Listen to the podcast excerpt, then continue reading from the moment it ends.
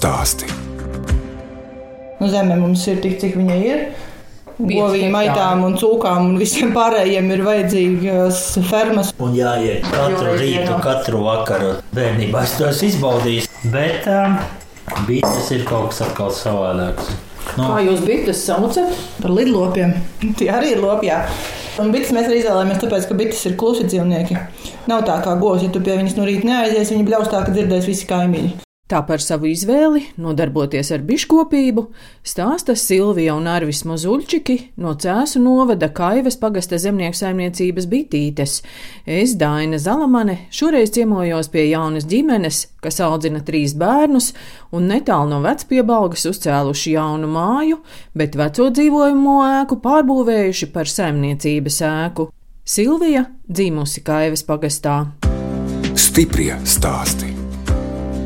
No sapņa uz mērķi. Zināt, kur galva sākas? Elkas kalnā. Tur var redzēt aiz kokiem torni. Tur augšā es kādreiz dzīvoju. Vecākam kādam pajautās, viņš teiks, ka no alaugstīs tā gauja, bet nē, tur ir gaujas sākums. Tā kā, jā, tur es esmu dzīvojis, un mums šī māja nāca mantojumā, un tad mēs no 2007. šeit saimniekojam. Kādu profesiju izvēlējāties? Es vispār esmu mācījies arborists. Tāda mācījās ērgļos, tagad jau ērgļos vidusskolas vairs nav. Kaut ko vajadzēja izvēlēties. Tajā mirklī finanses bija tādas, kādas bija. Tas bija tepat netālu. Nu, jā, no tā, ko tur piedāvāja, viesmīļi man neinteresēja. Sekretāri vai grāmatveži arī nē. Mums bija tiešām foršs kurs, bet tā es divus gadus pastrādāju. Kad arboristam kūkos jārāpjas. Jā, jā. Tas nav viegli. Jā, un es arī pastrādāju un sapratu, ka tajā mirklī man patika. Jā, bet tagad, kad man ir bērni, es pat es nezinu, lai es kokā tiktu. Nedomāju. Arbi, nu jūs jau izstāstījāt, ka jūs nākat no Līvāniem, no pilsētas. nē, no laukiem. Vecākiem arī visu laiku ir bijusi saimniecība, lopkopība, Par savu bērnību vēl izstāstīt, nu kādas jums bija intereses. tehnika. Braucām ar traktoriem, visu kaut ko, ko vien varēja. Nu, mašīnas, kaut kādas mopēdi.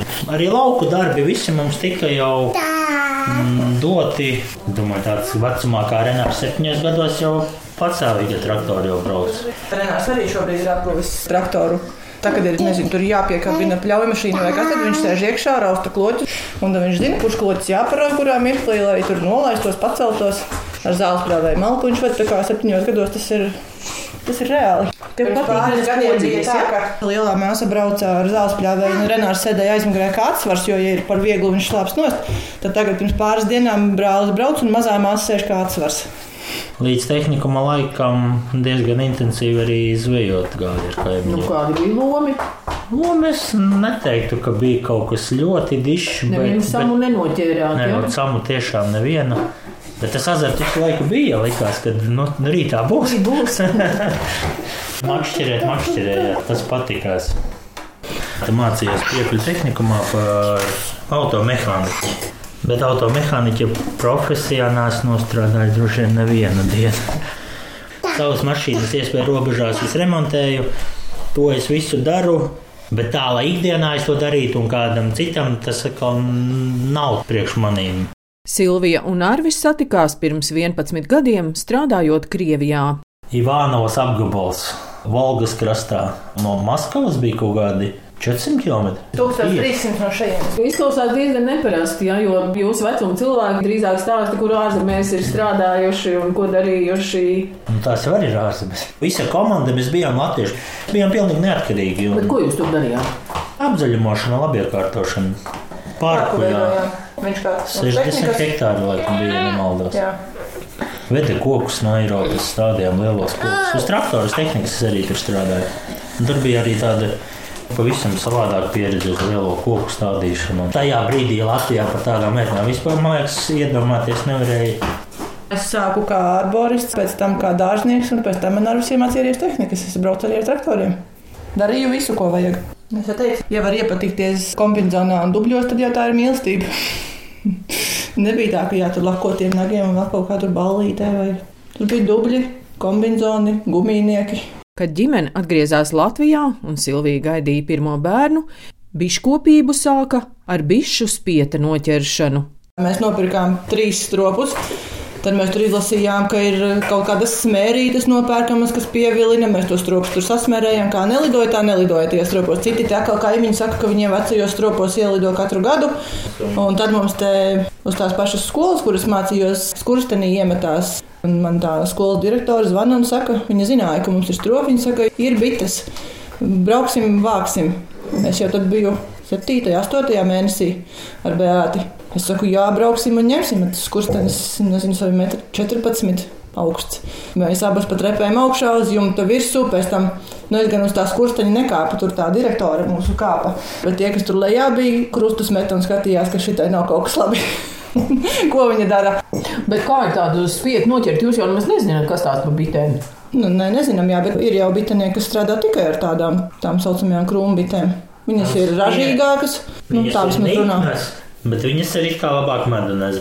Tas jau nebija vienīgais, jo nākamo mēs atkal ar to pašu skolas direktoru braucām ķert. Tas bija gan kokā, nebija tik augstu jākāp, bet vienalga, tad mums pirmajā gadā bija divas saimas. Bet kāpēc jūs tos spietus ķērāt? Kāpēc jūs nenopirkāt bites? Un tie ir ieguldījumi.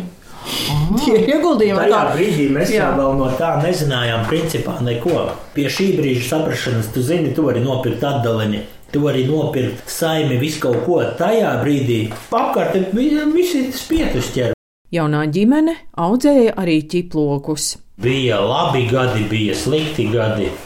Bet, ja visus skaitļus saliec uz papīra, tad ir tas ķiploki bija tikai atkal smags darbs.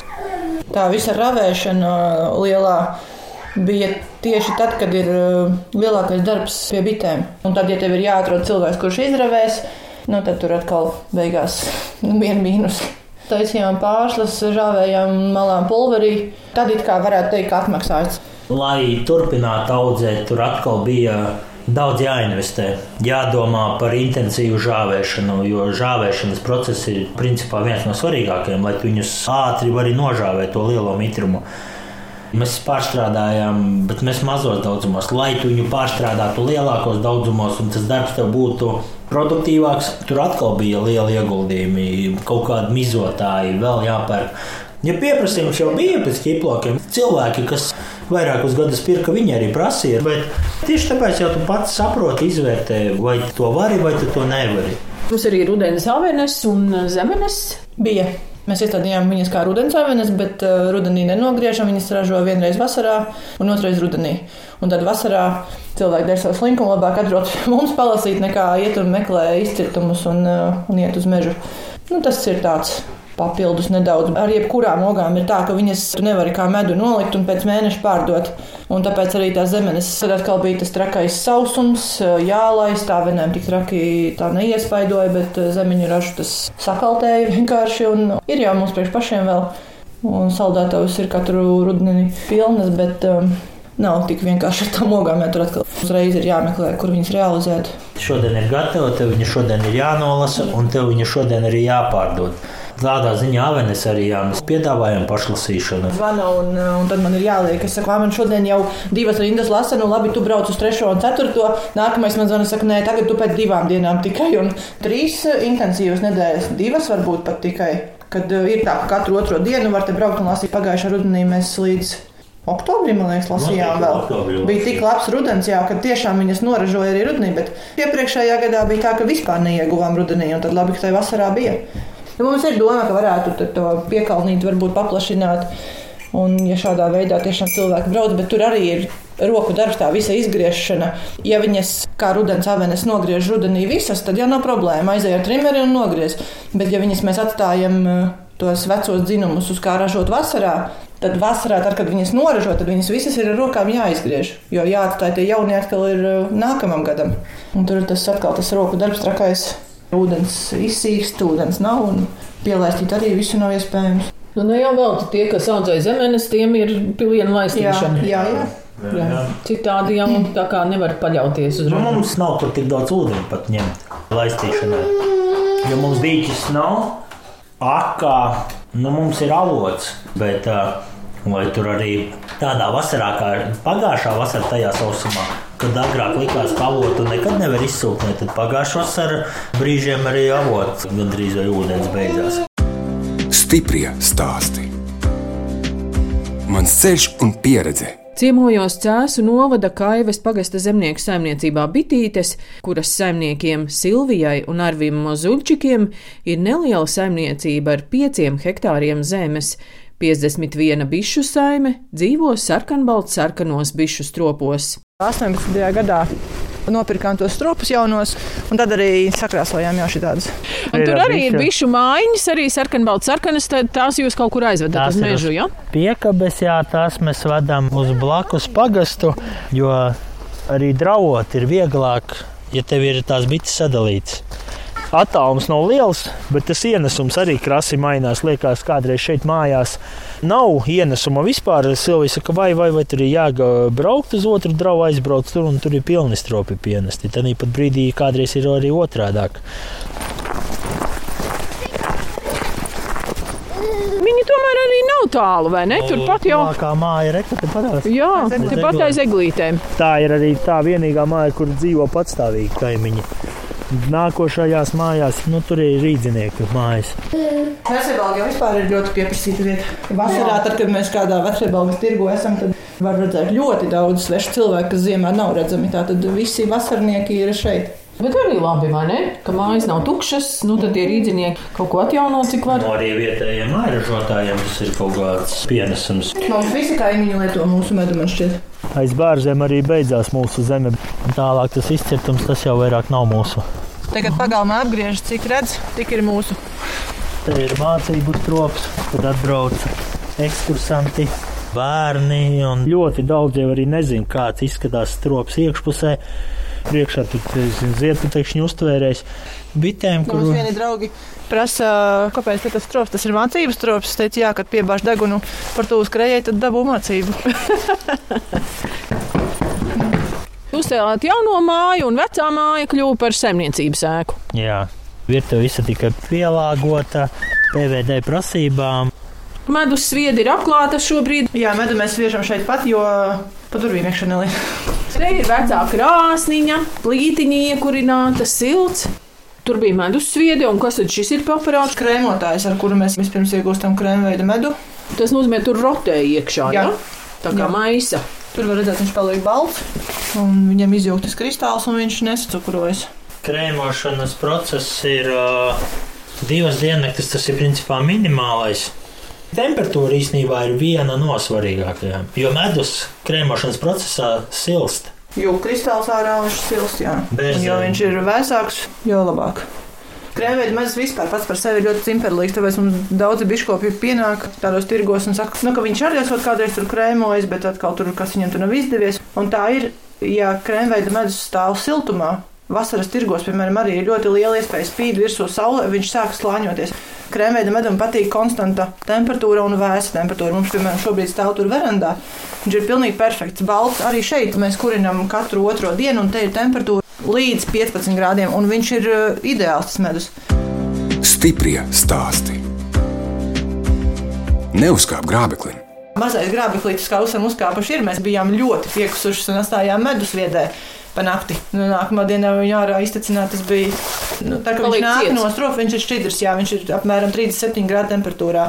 Bet uh, pa nakti jau tas medus radzis, un viņš ir biezs, un viņš knapi tā kā ārā, kur vēl viņš caur to sietiņu. Te katrs medus tiek no sviedas, kad laists viņš tiek kāsts caur uh, sietiņiem, lai vaskus attīrītu. Un tas ir ilgs process. Un tad mēs tieši vēl viens grābeklis tā, tad, ja tā ņem, tas ir sviedas iegāde nepareizā. Tajā brīdī mēs nezinājām, ka ir svieda. Nu, apsildi Jā, vienkārši. tad nebūs problēma. Tāpat kā krēmotājiem, viņš šobrīd stāv ciets. Es saku, ka nākamo krēmošu ieslēgšu apsildīt šo te atsildīšu nedaudz pieliešu klāt nākamo, un viņš atkal griezīsies. Kad mēs pirkām krēmotāju, meklējām, mums tepat vietējiem, priekš kam jums apsildi vai tādu neviens nav pircis. Protams, tas ir krietni dārgāk un tas ir atmaksājies. Silvija Mozuļčika gatavo arī dažādus medus maisījumus. Bija šokolādi, ar ziedputekšņiem un ar kanēli. Un, kad tie tika atzīti par labi, tad sākām domāt, ko vēl var klāt likt. Tad pirkām Nu, tās sublimētās ogas, malām pulverī. un Tad mums radās sāvenes, dzērvenes, ķirši, zemes upenes rabarbers. Un tad pamazām kaut ko atkal jaunu piparmētru, ingveru. Kanēlis un ingvers ir decembra prece. Jā, izteikti. Jā, uztaisījām šo kur... čili medu, un tas aizgāja neticami. To jau var likt arī pie cepešiem. Jā, mēs sinepju medu taisām tādam nolūkam, bet sinepes neaizgāja, bet čili aizgāja ļoti zibenīgi. Ko nozīmē sublimētas ogas, izžāvētas? Augstumā žāvētas, jā. Citādi mēs, neglabātos tas Jā, medus, jā, jā, jā? tad viņš sarūkst. Par cik ir pašiem visādas ogas, mēs domājam, izžāvēsim, samalsim pulverī. Jēga nebija. Upenes skaisti violetas, bet um, garšas tur nebija vispār. Tas nesmaržas vai Jā. augstumā žāvētāji. Viņai jau ir pilnīgi visa vērtība ir uh, palikusi. Piemēram, propolis. Tas jau būtu tā kā ar ārsniecisku ievirzi jau. Jā, jā, tieši kas ir medus ar, ar propolisu. Tad, kad kakls sāk vēl tikai kasīties, ne jau kad viņš sāpēja, kad ir klepus, tad uh, burciņu šī tādu izēdam un, un ir labi. Kādreiz šādi medi bija liels retums, bet tagad es aizvien biežāk tomēr redzu, ka saimnieki domā par dažādām piedevām. Ar tīru medu jau vairs nav izdzīvošana. Medus burciņām ir ar roku zīmētas etiķetes. Daudz ir teikuši arī, jā, tirgu, kad pienāk, tad viņi arī saka, ka tas noformējums un burciņai sienam virsū drāniņu. Kas ir tā, kad cilvēks nopērk, viņš viņu nosiena un noteikti izmet. Tas nozīmē, ka mēs pērkam audumu izmešanai, bet ļoti daudzi pie mums pienāk tikai tāpēc, ka tas audumiņš tur virsū ir. Kas te jums tur vēl ir kaut kāda noliktava? Ja? Ir Nu, jā. rāmi, Rāmīši. visi rāmīši. Gaida nākamo pavasari. Visas drātiņas ir jāsaspriego, jāsastiepļo, kas ir saplēsts, ir jānomaina. Šeit ir vecā plāksnes. Mm -hmm. Visas ir jā, jāsakausē. Un tas ir darbs, kas ir jāizdara vēl līdz jaunajai sezonai. Un tas mums ir februāris, marts, kad mēs to cenšamies izdarīt. Un sagatavojam- sezona, mums viss ir rāmīgi gatavi. Tad es vasarā zinu, ka nu, man par to nav jāuztraucās, ka mēs arī vasku vedam uz apmaiņu. Un ir labi, kad izsaldēts, teiksim, ārā, kad ir liela mīnesi, ja atradam plāksnes, es atstāju citreiz ārā divas, trīs dienas, lai viņas izsalo. Nekad nevajag vēl. svaigas vest, likt stropu. Cilvēks kādreiz tā kā grauž caurumus, sacaurumo tikai to plāksni un beigās tur labumu nekādu no viņas. Silvija un Arvis Mozuļčiki pabeiguši divgadīgos biškopības kursus, bet lēciens saimniecības attīstībā notika pirms sešiem gadiem, kad tika īstenots projekts atbalsts mazajām lauku saimniecībām. Nu, tad, kad uzrakstījām to projektu, tad jau mēs sapirkām inventāru visu, un tad jau atpakaļ ceļā vairs nebija. Pieci gadi ir jāstrādā, tur nav vairs variantu.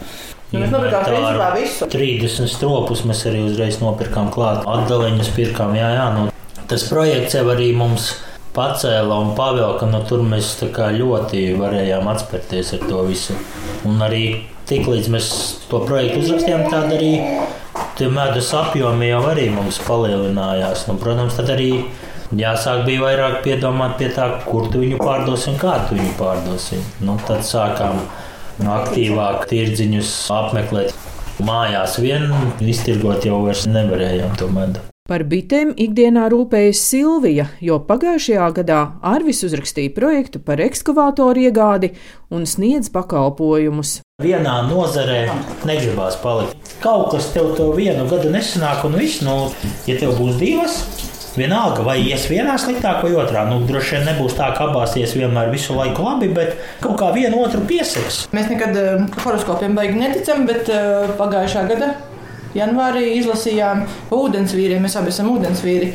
Ūdensvīriem ir eh, pozitīvs gads, un janvāris nāks ar labiem eh, panākumiem, un ko tur vēl. Viņš saka, viss, mēs rakstām to projektu. Kas tas bija par projektu? Kaut kāds līderis vai lada? Līderu projekts. Nu, sākums bija tāds partnerība, un tad viņi atbalsta, un tad novirza tālāk uz uh, Labu. Tad jums ir ekskavators. Rokām, rakšanas darbi, visādi būvniecības darbi, pagalmu būvniecības, visas materiālus, smiltis, šķembas. Tagad ziemā kniebiem krūmus, kniebēja galva ir. Un, uh, Pirms tam mēs bijām saimnieciskā darbības veicēji, uz vārdu uzvārdu, nu, tas ir reģistrēts.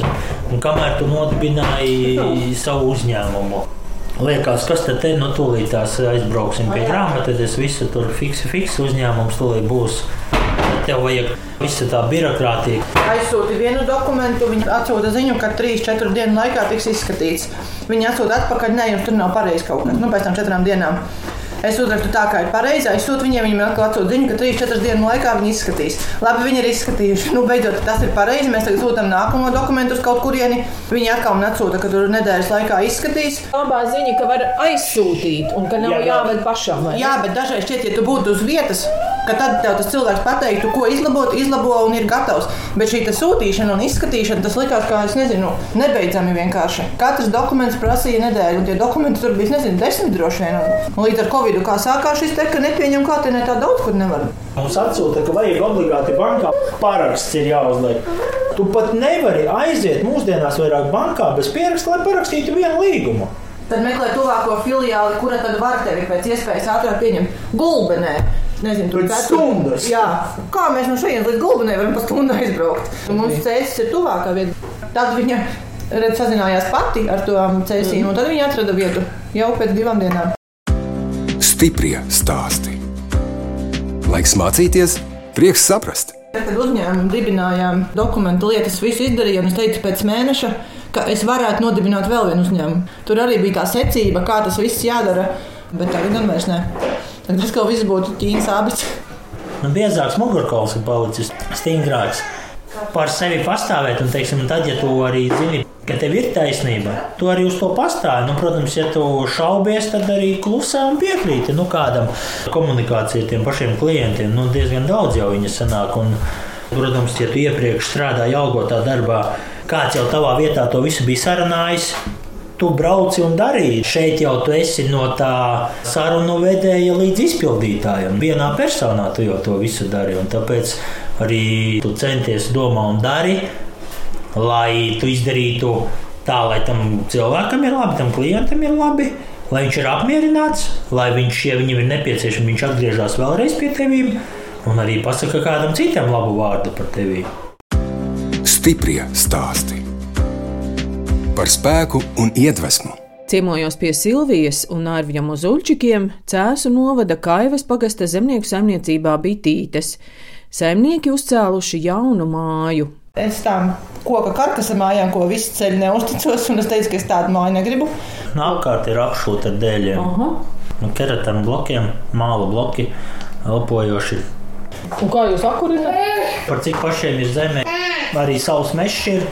Tad ir, eh, protams, malkas apkure, siltās grīdas un tā, lai no radiatoriem. Tad uh, visi tajā brīdī, priekš kam tev malkas katlu, jāliek granulas. Bet uh, katru gadu kaut kur kādu koku nolauž. Tev viņš ir jāsavāc. Un tad, kad gadā tur sāku tam granulām, tā cena dubultoties. Tad es biju tik laimīgs, kad mums ir malkas, katls un malka mums ir sagatavota. Un kurinām mēs, cik mums gribās, kā mums vajag, lai māja ir silta. Un, protams, pie malkas ir tas darbs, malku zāģē, kaut ko skaldi. Nu, tas ir darbs, arī tavs laiks. Bet uh, tāpat tās jau mēs nemākam sēdēt un neko nedarīt. Tieši pirms tā trakā cenu kāpuma, kad kāpa visiem būvmateriāliem, visām izēvielām kāpa cena, mēs bijām beiguši. Un tāpēc es saku, tāpēc mums ir tik tālu, cik ir, tik ir. Kad jau kādreiz būs arī lampas un būs arī mēbeles. Lampas tā ir. Jā, virs tā Slēdzītas nav. Virtuve bija tā telpa, kura tika ierīkota, lai vispār ievāktos mājā. Vēl nesen es tieši skatījos uh, pirms pāris dienām bildes, kur mēs sēžam virtuvē pie plasmasas tirgus galda, jo mums nebija galda. 18. novembrī mums bija galda atklāšanas svētki. Mozuļčiku ģimenē aug trīs bērni - Beāte, Renārs un gadu vecā Renāte. Beāte ir vecākā. Viņai interesē viss īslaicīgi. Ar riteni iemācījās braukt, un četros gados viņa sāka mums braukt bērnībā. Viņa ar tādu entuziasmu brauca, un viņa nu, tiešām arī nebija tam bērnam bailes. Šobrīd viņa uz riteņa gandrīz dabūt nevar. Tad viņa grib slēpot, tad viņa grib uh, mākslas skolu. Savukārt Renāru piespiest uz kaut ko jaunu. Tas ir Pagaid, Renārs pats var izstāstīt. Renāri, kas tev interesē?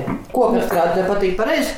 Mazīti uztaisīja un uh, lāpstiņu, un tagad taisu otru jomē lāpstiņu. Ja? Un kur tu to visu taisi? Skolā vai mājās? Katru otro trešdienu viņam ir kokapstrādes pulciņš. Un, kad māma teica, ka tu jau ar traktoru tur kaut ko arī palīdzi tētim, ja? Jā, ar Marku. Ja šeit būtu bērns, tad viņi neapklustu. Bet, ja šeit ir Renārs, tad ir ar, ar knaiblēm jāvelk teksts ārā no viņa. Paši droši vien neslimojat daudz, vai ne? Bitinieki ēd medu, veselīgs dzīvesveids. No bērni no skolas atnes. Mums ir divi infekciju perēkļi. Mana mamma strādā vienā skolā, un bērni ir otrā. Un, uh, vieniem ir vienas slimības, tajā mirklī otriem ir otras. Un... Kur bērniem skolā iet? Vecpiebalgā. Skolēni pietiek? Pamatskolai vēl pietiek, bet par vidusskolu vēl jau viņai ir. Bet gadu laikam iedeva tur vēl kaut kādu to pagarinājumu vai divus, bet nu, vidusskolai pietrūkst. Blakus pagastā ir tā vecskienas pamatskola. Tur arī ir bērnu ļoti maz. Mums arī bērnus izdevīgāk būtu laist šajā skolā, ja tie ir uh, pieci kilometri. Nevis vecpilsēta 15, bet ja šeit klasē ir 4 skolēni, tad uh, tur viņi bija 21. No es labāk laižu, kur ir 21. Nu, varbūt izglītības ziņā vieglāk ir iemācīt 4, bet uh, katram bērnam gribās visādus tur, nezinu, klases vakarus un tādas lietas, tur ekskursijas. Kādi jums pašiem ir vaļasprieki? Mēs ejam tautiskajās dejās gadus sešus, laikam, sastais tas ir. No kopīgajām lietām tas tāds vienīgais. Bet arī, jo vairāk bērnu, jo vairāk darbu, jo grūtāk ir to visu apvienot. Deju svētkos bijāt šogad? Es biju. Es arī skatījos koncertu ar bērniem. Mazais bija pārāk mazs, lai es uz nedēļu aizbrauktu. Un kur tad jūs dejojat vecpiebāgā? Vecpiebalgā vidējās paudzes deju kolektīvā Mudurainis. Pie tām dejām jau notur arī tas, ka mums ir ļoti foršs kolektīvs. Katru gadu mēģinam vasarā aizbraukt no uz divām, trijām dienām kaut kur tepatās pa Latviju vai Baltiju. Tāpat uz kaut kādiem teātris izrādēm vai kaut kādiem koncertiem. Jums jau vesela ekskursija senāk arī pie ārvijā gradiem aizbraukt uz Lībāniem, vai ne? Jā, sestdien brauc, svētdien atbrauc, un tas ir tāpat tās divas dienas. Nu, tad ir tie vidzemnieki? Nav jau tā. Atšķirās no tiem, kas dzīvo Lībānos. Arī tur ir tādi, kas atšķirās. Īstie piebaldzēni ir tādi, kas ir tādi pacelāti un ar degunu augstu pacelti. Šādi Par savu jā, piebaldu. Mēs neesam piebaldzēni, tāpēc uz mums tas neatiecas. Piebaldzēnam ir tas uh, savs lielīgums, es varētu teikt, varbūt. Bet varbūt, ka mums taisnība kādreiz pietrūkst tā, ka mums Jā, liekas, droši vien. ko tad es, es jau neko. Tā ir īpaši, ja tā kā mums ka ir pašam savs, ir jābūt lielīgam, ir jāiet visiem un jāstāsta par sevi. Tas tiešām mums pietrūkst. Ne, Es ceru, ka vēl daži gadi un Beata pārņems šo lietu, jo viņai patīk. Viņa arī tagad mums ļoti palīdz. Vecākā meita. Jā, nu, parasti mēs cenšamies tam tirdzniecībām braukt divatā, jo ja visa diena ir grūti vienam pašam. Un tad viņa brauc ļoti bieži līdzi, un tad, ja vajag kaut kur es aizēju, viņa paliek manā vietā. Viņa ļoti labi jau skaita naudu un visu māk pārdot. Un Mājaslapā viņa tikai mācās visādas dizaina lietas. Viņai arī skolā iet datora grafika. Protams, programmēšanas pulciņš viņš skaitījās laikam kaut kādu mirkli. Viņa ar sakotiem zobiem man kādreiz palīdz etiķetēm, tur termiņus sarakstīt un tādas lietas. Pie bitēm jūs ar dēlu. Jā, jā, jā Renāram patīk. Darbi jāsadala vienkārši, vai ne? tā, darbi sadalās paši. Gan arī visus darbus darām visi kopā, bet uh, savā ziņā ir arī darba dalīšana. Jo medus vieši, piemēram, tikai mana mamma, ja viņa ir darbā un nav variantu, es arī to daru, bet viņai tas sanāk vislabāk un ātrāk. Viņa neiet pie bitēm. Tāpēc jau mums šeit arī daudzi draugi paziņas, kā jūs varat paspējat to un vasarā visu nopļot. Bet Tāpēc es vienmēr saku, šī mājā strādā pilnīgi visi. Tāpat ir malka, kas ir jāsagatavo. Mēs malku Ja iet uz mežu, tad visi iet uz mežu. tur jāpieskata jau mazākais brālis vai kas, bet iet visi. Bet ejam uz mežu, tad pieskata to mazo mežā, piemēram. Jebkurš darbs, jā, mums ir, tas ir kopīgs. Jā. Un, ja mēs malku arī krāmējam, arī viņi tur patās ir blakām. Viņi arī tur palīdz kaut ko krāmēt, taču kā kaut kā tiek visi iesaistīti un visiem ir jādara. Un visi arī iespēju robežās arī darām. Nav tā, ka mēs tur strādājam, viņi tie sēž istabā pie televizora vai telefona. Nē, pa lielam ir tā. Ja mēs ārā, tad bērni ārā, ja mēs istabā, tad bērni istabā. Tā mēs cenšamies. Svētkus mēs svinam radulokā vai ģimenes, bet svētkus mēs svinam. Un bērniem arī ir svarīgi, ka lieldienās ir olas jākrāso Ziemassvētkos ir eglīte un Ziemassvētku vecīts. Un Jāņos ir ugunskurs kalna galā un vainagi.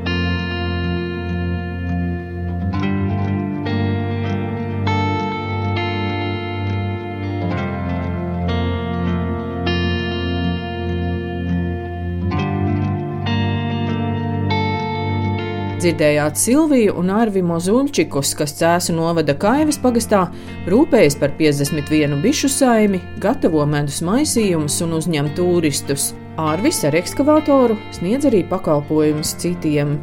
Raidījumu veidoja Dāna Zalamane un skaņu operātore Inga Bēdele. Uz tikšanos!